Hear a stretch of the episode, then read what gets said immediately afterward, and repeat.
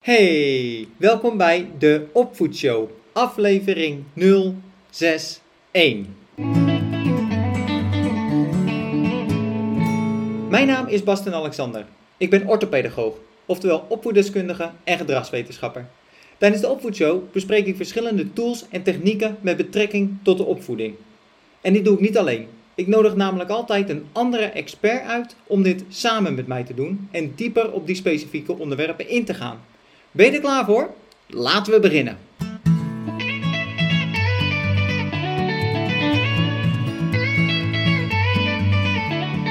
Als je tijdens het luisteren nou in iemand denkt die deze informatie goed kan gebruiken, je weet het. Sharing is caring. Vergeet niet om de aflevering te delen. En laat me ook zoals altijd weer weten wat je van de aflevering vond. Welke tips sprak je het meeste aan en hoe kunnen we de opvoedshow verbeteren? Laat het ook weten als je een idee hebt voor een onderwerp van de opvoedshow. En als laatste, vergeet niet om die recensie achter te laten. Super belangrijk en ik waardeer het enorm.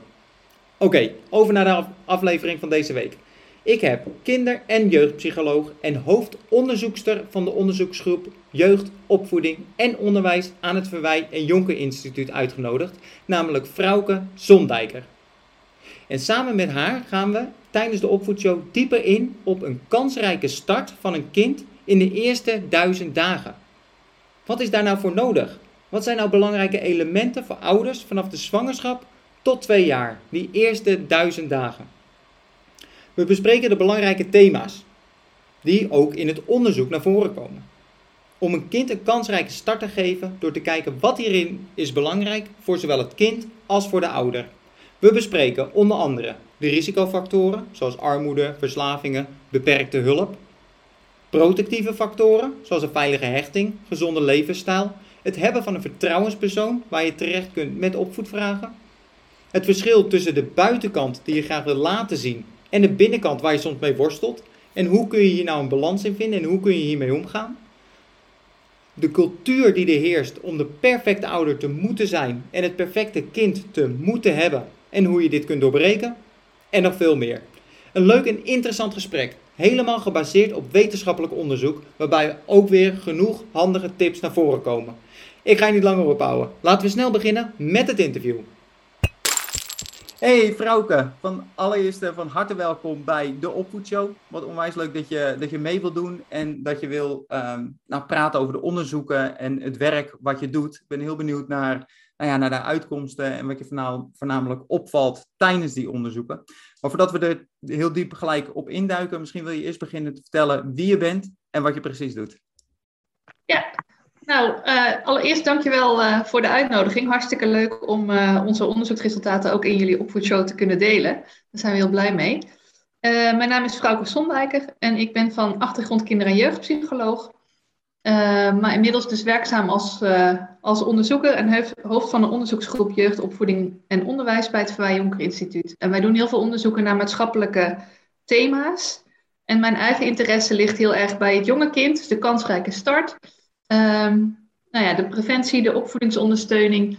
Um, en ook de kant die ik heel leuk vind, is nou ja, toch de wat zwaardere problematiek als kindermishandeling, huiselijk geweld. Jongeren die niet thuis kunnen opgroeien, maar in een instelling bijvoorbeeld. En nou ja, hoe kun je die weer perspectief bieden? Dat, ja, daar heeft de hulp blijkbaar dus niet geloond uh, aan de voorkant. En wat kun je dan aan de achterkant nog doen? Dus dat vind ik allemaal interessante thema's om me mee bezig te houden. Ehm, en dat doe ik nu dus vanuit het Jonker Instituut, maar dat heb ik ook in de praktijk gedaan als psycholoog. Zelf gezinnen begeleid. Um, nou ja, en op weg geholpen met opvoedvaardigheden, opvoedtips. Soms ook echt een hele behandeling. Dus uh, ja, ik ken ook de praktijkkant goed. En wat ik het allerleukst vind, is om praktijk, beleid en onderzoek met elkaar te combineren. En te zorgen dat die drie dingen elkaar gaan versterken. Ja, en is dat ook zo hoe je zo eigenlijk als onderzoekster uh, terecht bent gekomen? Van hoe is dat proces, proces gegaan van je werkt in de praktijk? Ja, dat is een, dat is een iets langer verhaal. ik ik uh, ben inderdaad uh, gepromoveerd na mijn studie, studie En dat promotieonderzoek ging over het ontstaan van gedragsproblemen bij jongeren. Dat vond ik ontzettend interessant. Ehm, maar daar, ja, daar zie je ook dat er een aantal theorieën bestaan over dat ontstaan en hoe biologische componenten in dit geval daar een rol bij spelen. Maar dat staat nog heel ver af van in de praktijk en hoe je in de praktijk kinderen kan begeleiden. Want met hartslag, bloeddrukgegevens en stresswaarden doen we eigenlijk nog heel weinig in de, in de praktijk. Dus daar kwam eigenlijk al de interesse om dichter naar die praktijk te gaan uh, en meer een toegepaste onderzoek te gaan doen. En na mijn promotie ben ik bij uh, adviesbureau van Montfort gaan werken. Dat is een bureau dat een beetje vergelijkbaar is met het Verwij Jonker Instituut, uh, maar nog meer gericht is op de jeugdhulp. En daar ben ik opgeleid tot communicatietrainer. Heb ik heel veel interventies mee mogen ontwikkelen en mogen implementeren in de praktijk. Dus heb op, ja, bij allerlei soorten vormen van onderwijs, jeugdhulp, jeugdbescherming achter de voordeur mogen kijken. Uh, nou, ik denk dat dat wel heel leerzaam is geweest, want je krijgt een heel goed beeld van nou ja, wat is er allemaal aan ondersteuning en hulp uh, in Nederland beschikbaar. Uh, en daarna ben ik dus in de praktijk gaan werken bij de opvoedpolie. En toen ik daar een tijdje gezeten had, daar mocht ik ook en in de praktijk werken en een heel groot onderzoek starten. Om te kijken of de hulp vanuit de opvoedpolie effectief was. Nou, dat bleek zo te zijn, dus het was uh, leuk om dat te kunnen aantonen. Ja. En daarna ben ik naar het Nederlands Jeugdinstituut gegaan. En dat is meer een organisatie die heel breed ook kijkt naar wat is er allemaal. Uh, die verzamelt alle kennis. Uh, en bundelt dat ook en probeert dat te verrijken en weer aan de praktijk terug te geven. Ja. Uh, nou ja, via die weg uiteindelijk dus bij het Vrij Jonker Instituut aanbeland. Ja, nou, mooi. In de tussentijd ook nog moeder geworden. Dat is misschien ook nog relevant voor oh. de opvoedshow. dus ik heb twee kinderen. Eentje van uh, bijna twaalf en eentje van negen. Ja, dus eigenlijk uh, ervaring in, in, in verschillende lagen van de ook praktijk nog. ook. Ja, ja, precies. Ja, dat is misschien nog wel het leerzaamste traject, zelf moeder worden. Ja, ja, ik kan me voorstellen inderdaad. En ja, ook wel heel erg mooi van dat je eerst die praktijk hebt gezien en dat je dan ook op die, want het is natuurlijk als, vanuit een onderzoek, heb je natuurlijk dat je heel veel data en heel veel informatie krijgt waarin je de praktijk eigenlijk gaat adviseren. Maar dat je ook dat gezien hebt, dat je weet van ja, wat, wat kan daar nou echt concreet mee gedaan worden en niet dat het in een bureau later terechtkomt en, uh, en ja, het is hartstikke leuke informatie, maar dat het ook echt gedaan, en ik kan me voorstellen dat de ervaring die je in de praktijk hebt gehad, dat dat heel erg bijdraagt aan het adviseren en die koppeling eigenlijk maken naar de praktijk toe. Ja, ja, dat is nog steeds waar ik, het, waar ik het allerblijst van word. Als je inderdaad die koppeling kunt maken en uh, nou ja, vanuit je onderzoek tot, tot handelingsadviezen komt voor professionals of voor ouders. Uh, nou ja, om echt iets anders of beter te gaan doen. Uh, waar ja. jongeren uiteindelijk van kunnen profiteren in hun ontwikkeling. Ja, nou ja, en, en we kijken dus van uh, in deze aflevering dan naar de kansrijke start, naar die eerste duizend dagen van het kind. Kun je daar wat meer over vertellen van wat, wat voor, hoe dat onderzoek er precies uitziet en, en wat jullie precies daarnaar waarnaar kijken? Wat, wat onderzoeken jullie precies? Ja, wij doen niet één onderzoek naar kansrijke start. Kansrijke start is eigenlijk een programma vanuit het ministerie waarmee ze een extra impuls willen geven um, aan uh, nou ja, hele jonge kinderen. Hè? Dus vanaf de zwangerschap eigenlijk tot aan dat het kind een jaar of twee is ongeveer. Dat zijn die eerste duizend dagen. Omdat ze eigenlijk in de praktijk zagen dat er veel kinderen toch een minder goede start hadden.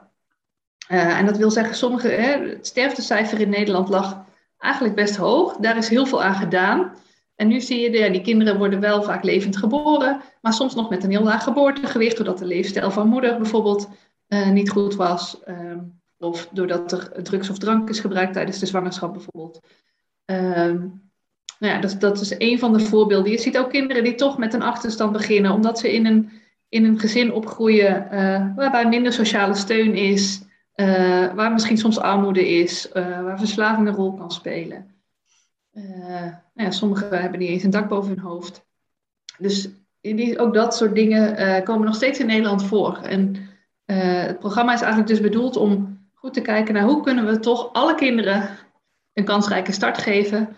Uh, en wat moet er dan gebeuren in die vroege kindertijd om dat te kunnen realiseren? En er zijn een heleboel uh, uh, kansrijke coalities gestart, dus in het land. Allemaal samenwerkingsverbanden zijn dat.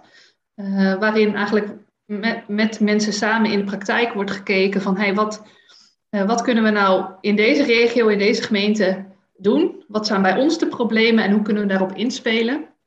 Uh, en ik ben zelf betrokken bij het onderzoek rond voorzorg. En voorzorg is een interventie die ingezet wordt uh, bij kwetsbare ouders om ze te ondersteunen in die eerste duizend dagen. Uh, en dat wil zeggen, zowel praktische steun bieden als informatie bieden, als emotioneel ondersteunen. Uh, als ook meedenken in een normatief kader. Hè? Wat is nou een gezonde leefstijl en wat is nou in veiligheid opvoeden? Uh, en wat is nou een goede ontwikkeling? En wat zij proberen te doen is niet alleen met het gezin mee te lopen en die steun te bieden, maar ook te zorgen dat die steun na die duizend dagen er ook nog is. Dus zij proberen ook dat netwerk rondom zo'n gezin op te bouwen. En dit is een van de weinige uh, bewezen effectieve interventies, maar voor een hele strikte doelgroep alleen toepasbaar. Dus de onderzoeken uh, naar die effectiviteit zijn uitgevoerd op een hele specifieke doelgroep. En gemeenten geven eigenlijk aan, wij zouden wel willen dat dat programma wat breder bruikbaar is. Verloskundigen hebben dat ondersteund. Die zeiden, nou, dat zouden wij ook heel fijn vinden. Dus we zijn nu aan het kijken van, kunnen we dit programma uitbreiden? En kunnen we het ook voor andere doelgroepen geschikt maken? En een voorbeeld daarvan is, um, het is bijvoorbeeld alleen geschikt voor de eerste zwangerschap, het eerste kindje. En we zijn nu aan het kijken van, nee, er zijn ook genoeg ouders waarbij het met een eerste kindje heel moeilijk is geweest, een kindje misschien uit huis is geplaatst, uh, maar die toch heel graag nog een keer zouden proberen met een tweede kind en met hulp en steun misschien uh, nu wel lukt en misschien ook nog wel een betere ouder kunnen zijn voor dat eerste kind. Dus uh, nou ja, dat is een voorbeeld. En, en voordat, je doorgaat, van, kun je misschien iets specifieker ingaan op die doelgroep? Je zegt van het is een hele specifieke doelgroep en het is dus voor ja. het eerste kind. En, maar hoe ziet die doelgroep er verder uit? Van wat zijn nou kenmerken van een gezin in een risicosituatie, om het zo maar te zeggen? Ja, nou ja, dan kom je dus al heel snel op de risicofactoren voor zo'n kwetsbare, kwetsbare situatie eigenlijk. Nou, wat we uh, zien in het onderzoek is dat het om mensen gaat die vaak uh, kampen met bijvoorbeeld een verstandelijke beperking. In combinatie met andere factoren, hè, als uh, laag opgeleid, soms ook een verslaving, vaak psychische problemen hebben, trauma's hebben uit hun verleden. en wat wat het belangrijkste is, is dat er, dat er toch echt wel drie of vier factoren minimaal tegelijkertijd spelen. Dus het is niet alleen psychische klachten, alleen, maar juist die combinatie van factoren maakt dat het eigenlijk niet meer lukt om helemaal zelfstandig nou ja, je leven vorm te geven, laat staan dat een goede opvoeder te zijn. Ja. Dus dan kunnen mensen daar wel wat steun bij gebruiken. Ja, en, ja en, en wat je dus al zegt, van, dat is dus van in eerste instantie gaat het om dat er meerdere risico, risicofactoren zijn. En dat is voornamelijk dan in de ja, leefomgeving eigenlijk van ouder, echt op ouder gericht. Dat die met verslaving, psychische problemen, verstandelijke beperking, opleidingsniveau te maken hebben. En dat jullie nu proberen om, die, om die doelgroep eigenlijk breder te maken. Van, het is gezien van die interventie die jullie gedaan hebben, van die is effectief, maar eigenlijk nog voor een te kleine groep om zo'n goede interventie eigenlijk uh, daarin te niet te doen. Van om die doelgroep ja. te verbreden. En dat gaat dus om. Ja, en het mooie is. Ja, En het mooie is dat je bij de leefstijl begint, zeg maar. Hè? Dus al tijdens de zwangerschap probeer je ouders er al op te wijzen ook van... Hey, het is niet handig om te blijven roken of verminder het in elk geval. Hè? En hè, er is ook altijd een discussie over nou, roken en stress. En hoe vind je nou een goede balans in de zwangerschap? Hetzelfde geldt voor drinken. Um, drugsgebruik is natuurlijk, hè, dat maakt het kindje ook weer kwetsbaar. En wat we veel zien in deze gezinnen is dat naast dus dat die omgevingsfactoren een rol spelen, uiteindelijk ook de factoren van ouders zelf, hè, dus hun psychische gesteldheid, hun welzijn, hun gezondheid, hun leefstijl, um, hun, en, en ook uiteindelijk de kindfactoren. Dus um, hoe komt dit kindje ter wereld? En hè, als kinderen een laag geboortegewicht hebben, misschien zuurstoftekort hebben gehad, noem maar op, dan zie je ook dat die kinderen vaak weer problemen ontwikkelen. Wat ook het opvoeden weer lastiger maakt en weer extra zorgen met zich meebrengt. Dus je krijgt een soort negatieve spiraal als je uh, niet in, ingrijpt eigenlijk. Ja, ja en, en wat je dus zegt, van, het begint bij de, bij de leefstijl van ouders, om daarin denk ik dan informatie te, te bieden van, over, de, ja. over het risico van roken of verslaving of, of andere. En hoe ziet het er dan verder uit van, van na de geboorte, laten we het zeggen? Van er is dus zoveel mogelijk gewerkt aan die, aan die leefstijl. Van hoe kun je dan met een laag geboortegewicht of dat kind dan een, een kansrijkere uh, start geven? Van hoe ziet dat er concreet uit in de praktijk? Ja, nou ja, je probeert natuurlijk heel veel dingen tegelijk aan te pakken. En dat is denk ik de kracht van de interventie, maar dat is ook direct wel de ingewikkeldheid. Uh, hè, want tijdens die zwangerschap zit het heel erg op de leefstijl en op het voorbereiden op de bevalling. Um, op hoe zorg je nou voor een goede hechting van je kindje, met je kindje bijvoorbeeld. Hè? Um, en als het kindje er eenmaal is, gaat het ook over van, nou ja, wat voor ouder wil je dan zijn? Wat vind je belangrijk? Um, hoe zorg je nou dat je kind genoeg eet, gezond eet? nou ja, hoe ga je met je eigen leefstijl verder om? Want dat heb je misschien aangepast tijdens je zwangerschap, maar kun je dat ook volhouden? Uh, nou, wat wel, wat niet. Wat vind je daarin zelf ook belangrijk? Want ik denk bij voorzorg is ook wel de kracht. Het is echt een preventief programma eigenlijk, ondanks de zware doelgroep. Uh, maar het gaat heel erg uit van de wens van de ouder. En hè, wat voor ouder wil ik zijn? Wat vind ik belangrijk? Uh, en wat wil ik voor mijn kind? Ja. Dus die wens van ouders is altijd wel het uitgangspunt voor de begeleiding. Dus het verschilt ook eigenlijk. Het is wel een soort grote lijn van op al die leefgebieden wordt gekeken wat kunnen we doen. Maar de wens van ouders daarin staat wel heel centraal. Ja. Dus, en na de geboorte gaat het ook heel veel over hele praktische zaken. Uh, als, uh, goh, wanneer moet ik dan naar het consultatiebureau? En uh, kun je me helpen om, om een sollicitatiebrief te schrijven? En het, loopt, het loopt heel erg uiteen. Um, maar dus ook over van ja, wat is nou belangrijk in de opvoeding? En hoe voorkom ik nou stress in mijn gezin? En um, waar kan ik dan hulp vinden voor mijn eigen psychische problemen? En kan ik die mensen wel vertrouwen? Um, nou, dat zijn wel thema's die een rol spelen. Maar de veiligheid van het kindje natuurlijk ook. Hè? Van wat speelt er in jullie gezin? Wat is veilig? Wat is niet veilig? nou, wat zien we daarin? Zijn er zorgen of geen zorgen? Uh, en wat kunnen we daar dan aan doen? En dan zonder uh, nou te dragen of uh, met dwang en drang liefst. maar echt vanuit de motivatie van het willen zijn van een goede ouder. Ja, ja. Nou ja, en, en, ik denk ook, wat, wat, wat, ik, wat ik mooi vind eraan, vind, is ook, ook het vertrouwen, zeg maar, van dat dat zo'n belangrijk punt is van, wat je ook al zegt, van waar kan ik zelf hulp vinden en zijn die mensen te vertrouwen? En dat je dus eigenlijk kijkt van, nou ja, je, je wordt ouder en wat wat voor ouder wil jij zijn? En dat het veel minder is het, het aangeven, nou, je moet dit en je moet dat en, uh, en het dreigen, maar veel meer van, wat voor ouder zou je willen zijn? En ik denk dat dat ook heel erg past bij deze tijd, van dat er niet één antwoord is van, nou, dit is opvoeden, zo moet je opvoeden. Maar dat het veel meer is van, ja, wat, hoe zou jij je kind willen opvoeden? En, en uh, wat voor een kind zou je later de maatschappij in willen sturen? Met wat voor krachten en wat voor kenmerken en dat soort dingen. En ik denk dat dan die motivatie bij ouders ook veel groter is. Van dat, dat ze dus die keuze hebben en die vrijheid hebben om, om dat te mogen zijn en dat ook te kunnen zijn. Ja, en dat is wat voorzorgverpleegkundigen eigenlijk doen. En daarom begint het ook zo vroeg in die zwangerschap. Uh, om echt nog die vertrouwensband te kunnen opbouwen. Zodat je ook hè, dat, dat ouders eh, die mevrouw al kennen. En als er een kindje komt, dat ook het eerst natuurlijke aanspreekpunt is om met hun vragen naartoe te gaan. En uh, dat werkt heel goed. Dus die, dat laagdrempelige contact dat zij met elkaar opbouwen, dat blijkt ook echt wel uh, nou ja, heel goed te blijven bestaan, ook als het kindje er eenmaal is.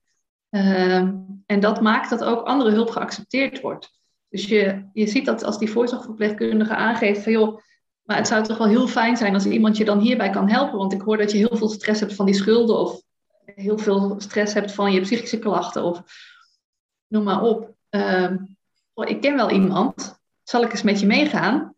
Uh, nou, dat werkt vaak heel goed. En als, hè, als er dan vanuit een andere partner, bijvoorbeeld vanuit de GGZ of vanuit de schuldhulpverlening, tips en adviezen komen. En wat we vaak zien bij deze doelgroep is dat mensen dat niet altijd snel begrijpen of niet zo goed snappen wat ze nou anders moeten doen. Maar dat kan een voorzorgverpleegkundige kan een soort uh, ja, mediaire rol vervullen. En ja, horen wat er gezegd wordt en dat weer vertalen naar de thuissituatie van, van deze moeder of dit gezin. En ja, dat maakt dat ze, dat ze verder komen en dat het wel lukt om die hulp te organiseren. Ja, en om alleen al die vertrouwenspersoon te hebben, van dat je op iemand terug kan vallen van, hey, dit is weer het volgende traject. En misschien niet de expertise van diegene, maar wel van, kun je me helpen om die verbinding te zijn? En ja, een, een, vraagbaak ook van, wat is jouw gevoel erbij? En denk je dat, ik, dat dit iets voor mij kan zijn of dit mij kan helpen? Uh, om die ondersteuning al te hebben, die psychische, emotionele ondersteuning.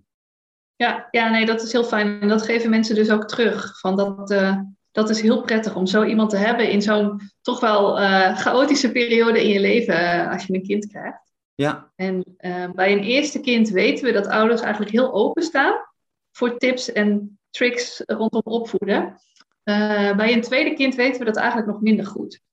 Dus het is ook wel weer spannend om te kijken van, hey, lukt dat dan ook? als ouders voor een tweede of een derde keer een kind krijgen, ehm, kunnen we, kunnen we dan ook deze tips en adviezen geven en staan ze er dan ook voor open? Waar, ja, en een bijkomstigheid is dat het met het eerste kind in dit geval dus niet gelukt is. Of niet, dat ze niet tevreden zijn of dat een kind toch uit huis geplaatst is uiteindelijk. Uh, en dan moet je ook als ouder denk ik weer de motivatie vinden. Uh, van ja, ik kan het wel. En ik, ik ga het nu beter doen en ik heb nu andere hulp, dus het is ook een nieuwe situatie. Dus ik ga mijn schouders weer onderzetten en ik ga het weer proberen. Ja. Dus dat zijn wel nieuwe elementen die we dus aan, het, aan die aangepaste vorm van voorzorg eigenlijk toevoegen. Ja, en dat is zeg maar het, het onderzoek wat dan nu die, die vertaalslag eigenlijk naar die nieuwe doelgroep uh, gemaakt wordt. Ja. Ja, wat mooi. En je noemde het al in het, uh, eerder al eventjes op van eigenlijk die, die samenwerking. Van we hebben het heel vaak als we het over de opvoeding hebben, kijken we eigenlijk heel erg naar ouders. Van ouders zijn de, natuurlijk de primaire opvoeders, maar de opvoeding is eigenlijk veel breder en daarmee ook complexer. Want je hebt natuurlijk ook met school te maken, eventueel met sport, met coaches, met, met andere mensen. Want die opvoeding is heel erg breed. En als we dan een klein sprongetje maken van, van de baby, de zwangerschap, de geboorte en daarna van dat het kind dus in, met verschillende situaties te maken heeft. Ehm, wat kun je zeggen over die, ja, die integraliteit eigenlijk van, van zorg, van hoe jullie daarnaar kijken, van hoe, kun, hoe kan die samenwerking nou goed lopen, goed verlopen? En dit is dus van ouders in een, in een risicosituatie, laten we het noemen. Maar ook niet, van dat, die heeft daar natuurlijk ook mee te maken. Elke andere ouder heeft daar mee te maken. Van met school, met sport, met, met verschillende opvoedingen, verschillende meningen. Van die samenwerking. Van wat, wat zegt het onderzoek daaruit met voorzorg en die, en die interventie? Mhm. Ja, nee, dat komt niet zozeer uit voorzorg, maar wel uh, uit andere onderzoeken is wel bekend dat je bent eigenlijk met elkaar opvoeder, zeg maar. Waarbij de ouder de primaire opvoeder is. Maar al die andere personen doen ook eigenlijk een stukje in de ontwikkeling van dat kind. Uh, en dat is ook heel belangrijk. Dus als je kijkt naar de beschermende factoren, uh, dan zie je dat sociale binding, ehm, de, de betrokkenheid van kinderen bij hetgeen ze doen, ehm, de beloning of de waardering die ze daar ook voor krijgen, dat zijn allemaal hele belangrijke elementen juist eh, als beschermende factor kunnen werken. En dat gebeurt natuurlijk heel erg op kinderdagverblijven, op scholen, op sportclubs. Daar, hè, daar kunnen kinderen iets doen wat ze leuk vinden. Daar kunnen ze waardering krijgen voor iets wat ze goed doen.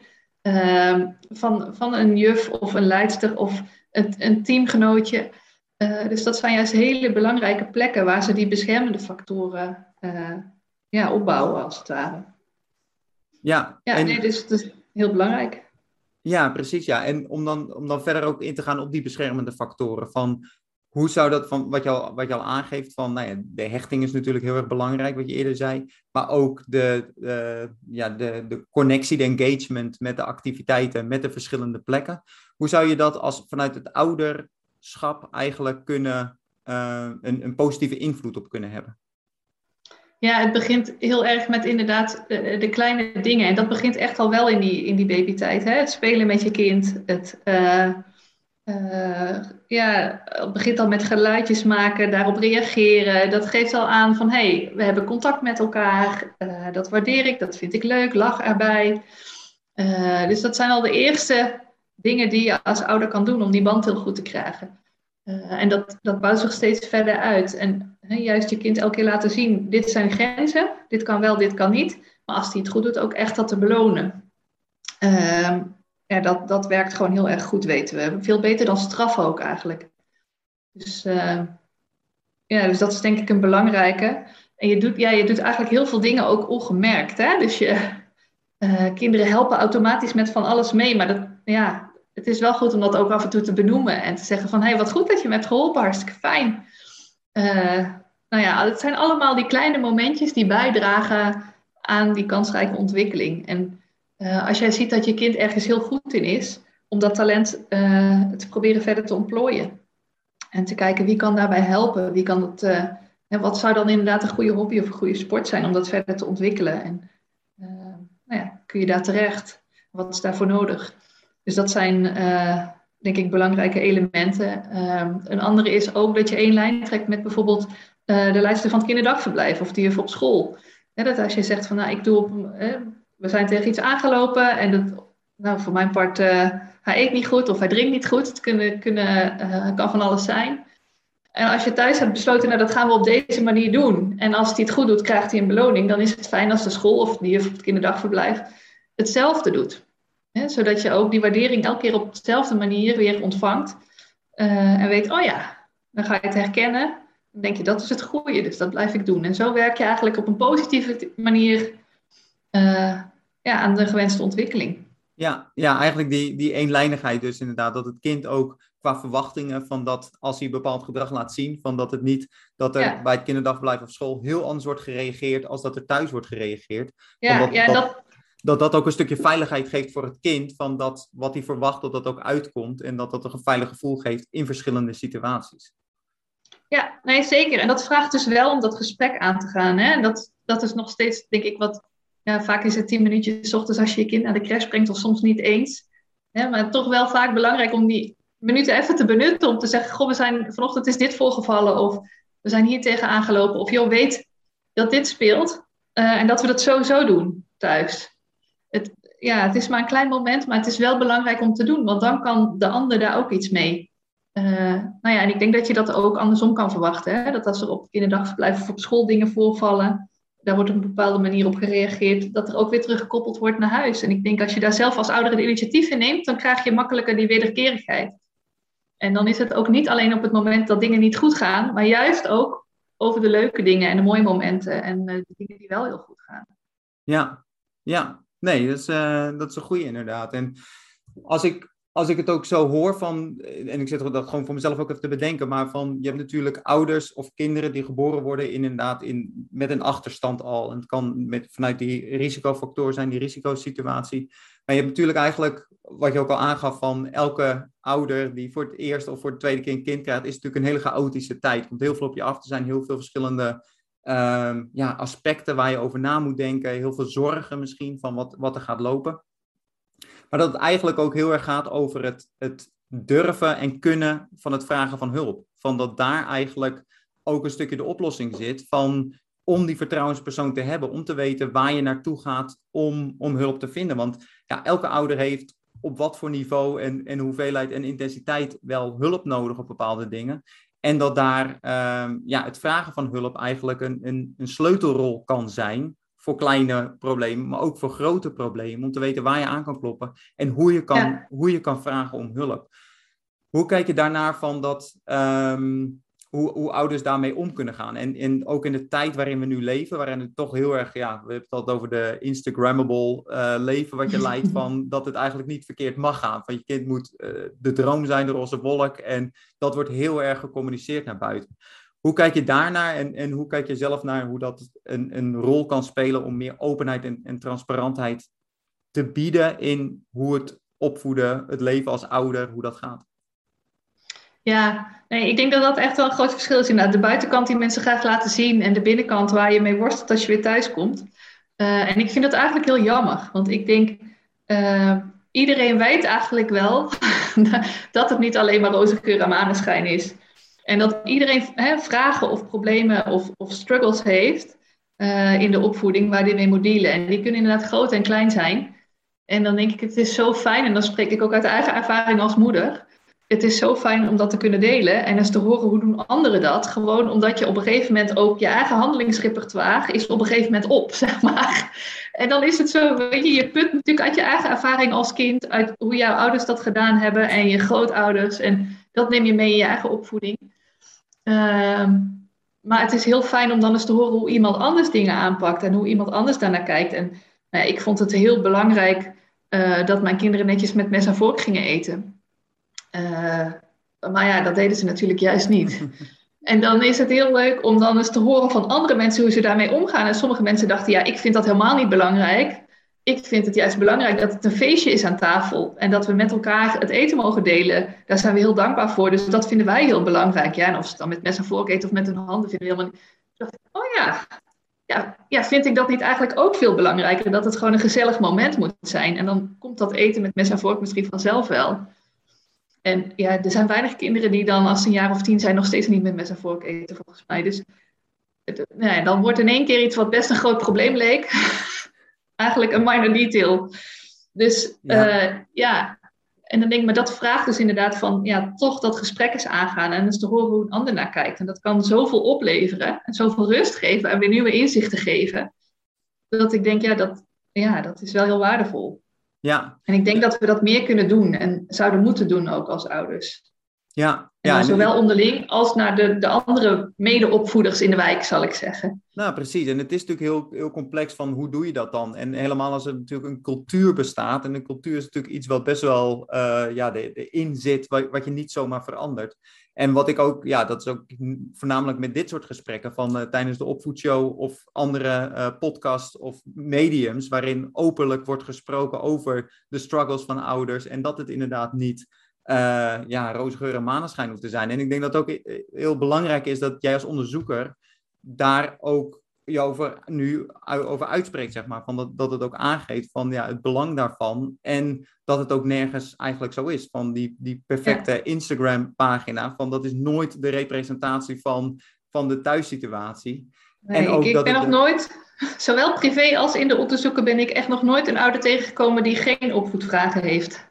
Ja, Precies. Dus, uh, en, en dat is dan ook eigenlijk van, en dat zou dan ook die mindswitch moeten zijn van als iemand daarin de perfectheid weergeeft, is dus eigenlijk een bepaalde verborgenheid. En dat juist die openheid en die vragen stellen van een, een beeld geeft van, van wat er speelt.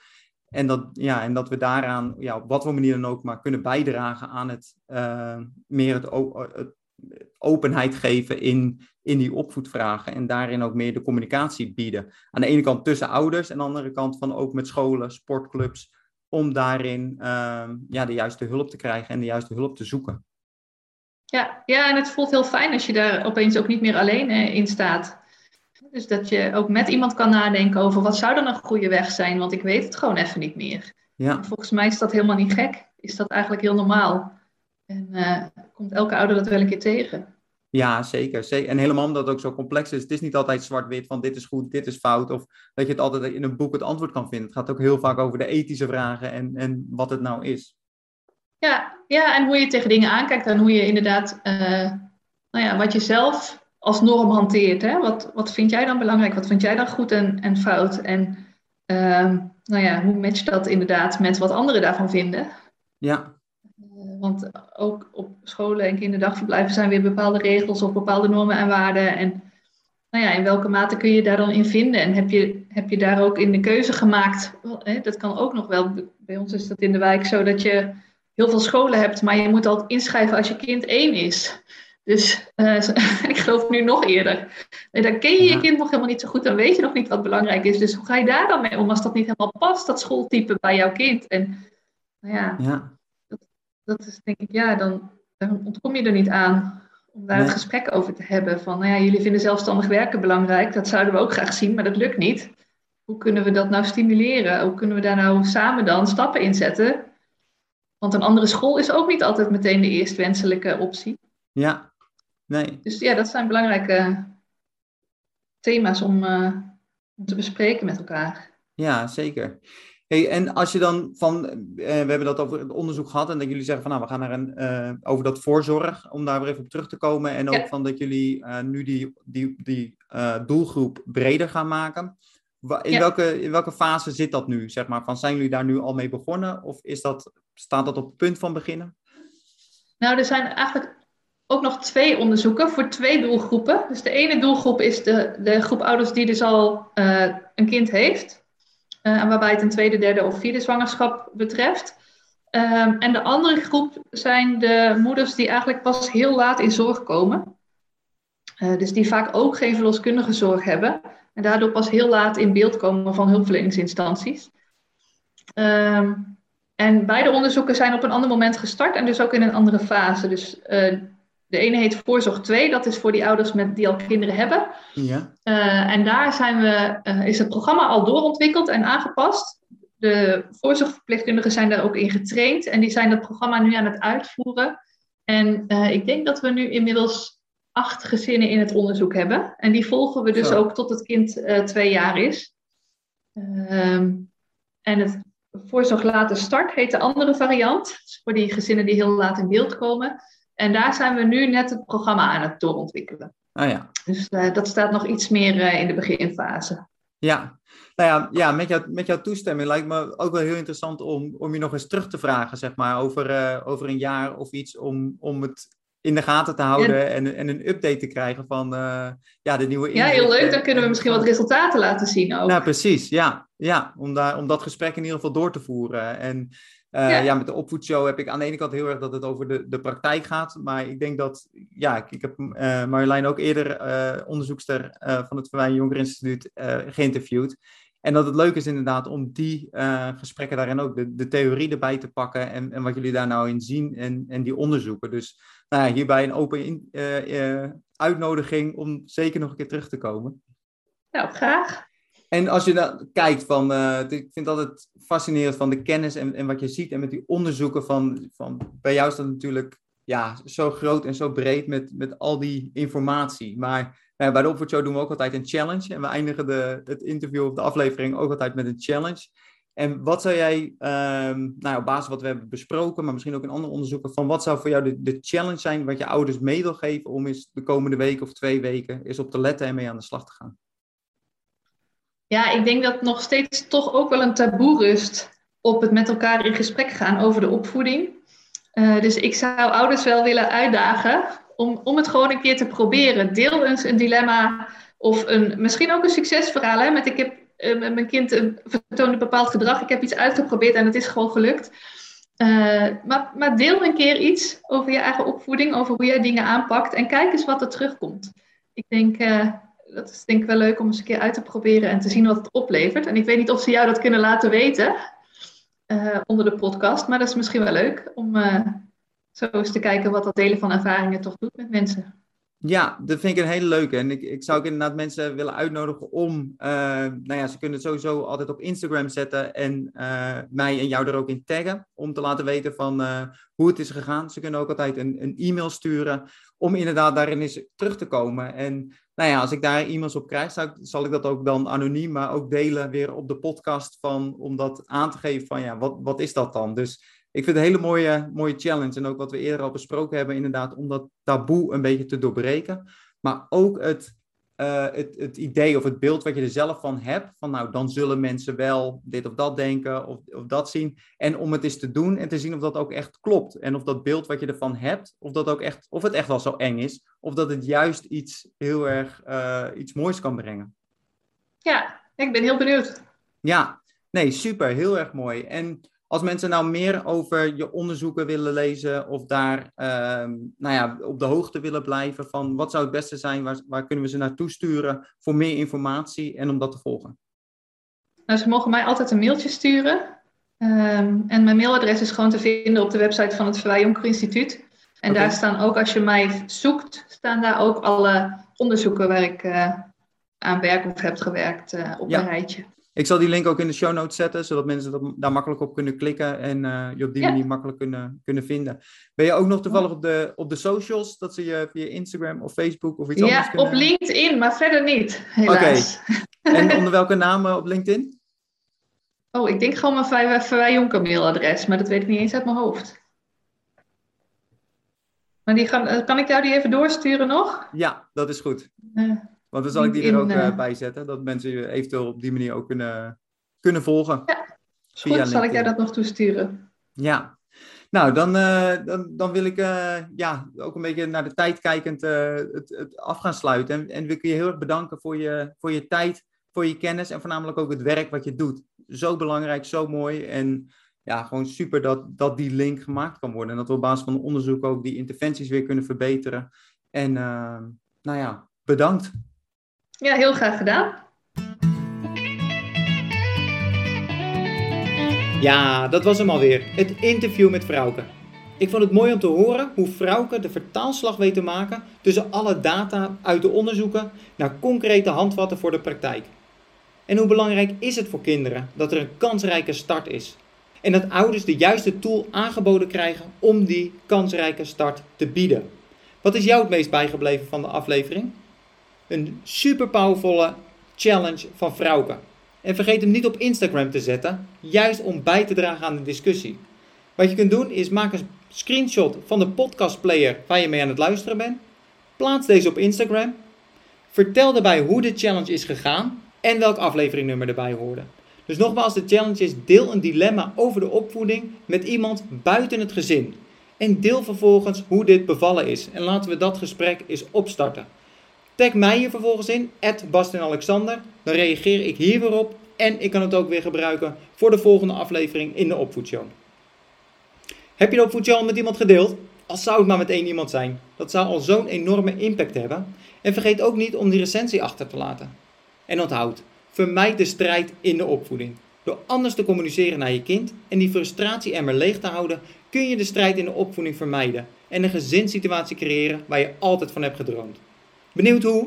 Neem een kijkje op bastinalexander.com en laat je e-mailadres achter, zodat je de eerste bent die op de hoogte is zodra een nieuwe aflevering van de Opvoedshow online is. Dit was hem weer voor deze week. Go get them, je kunt het! Tot volgende week. Ciao.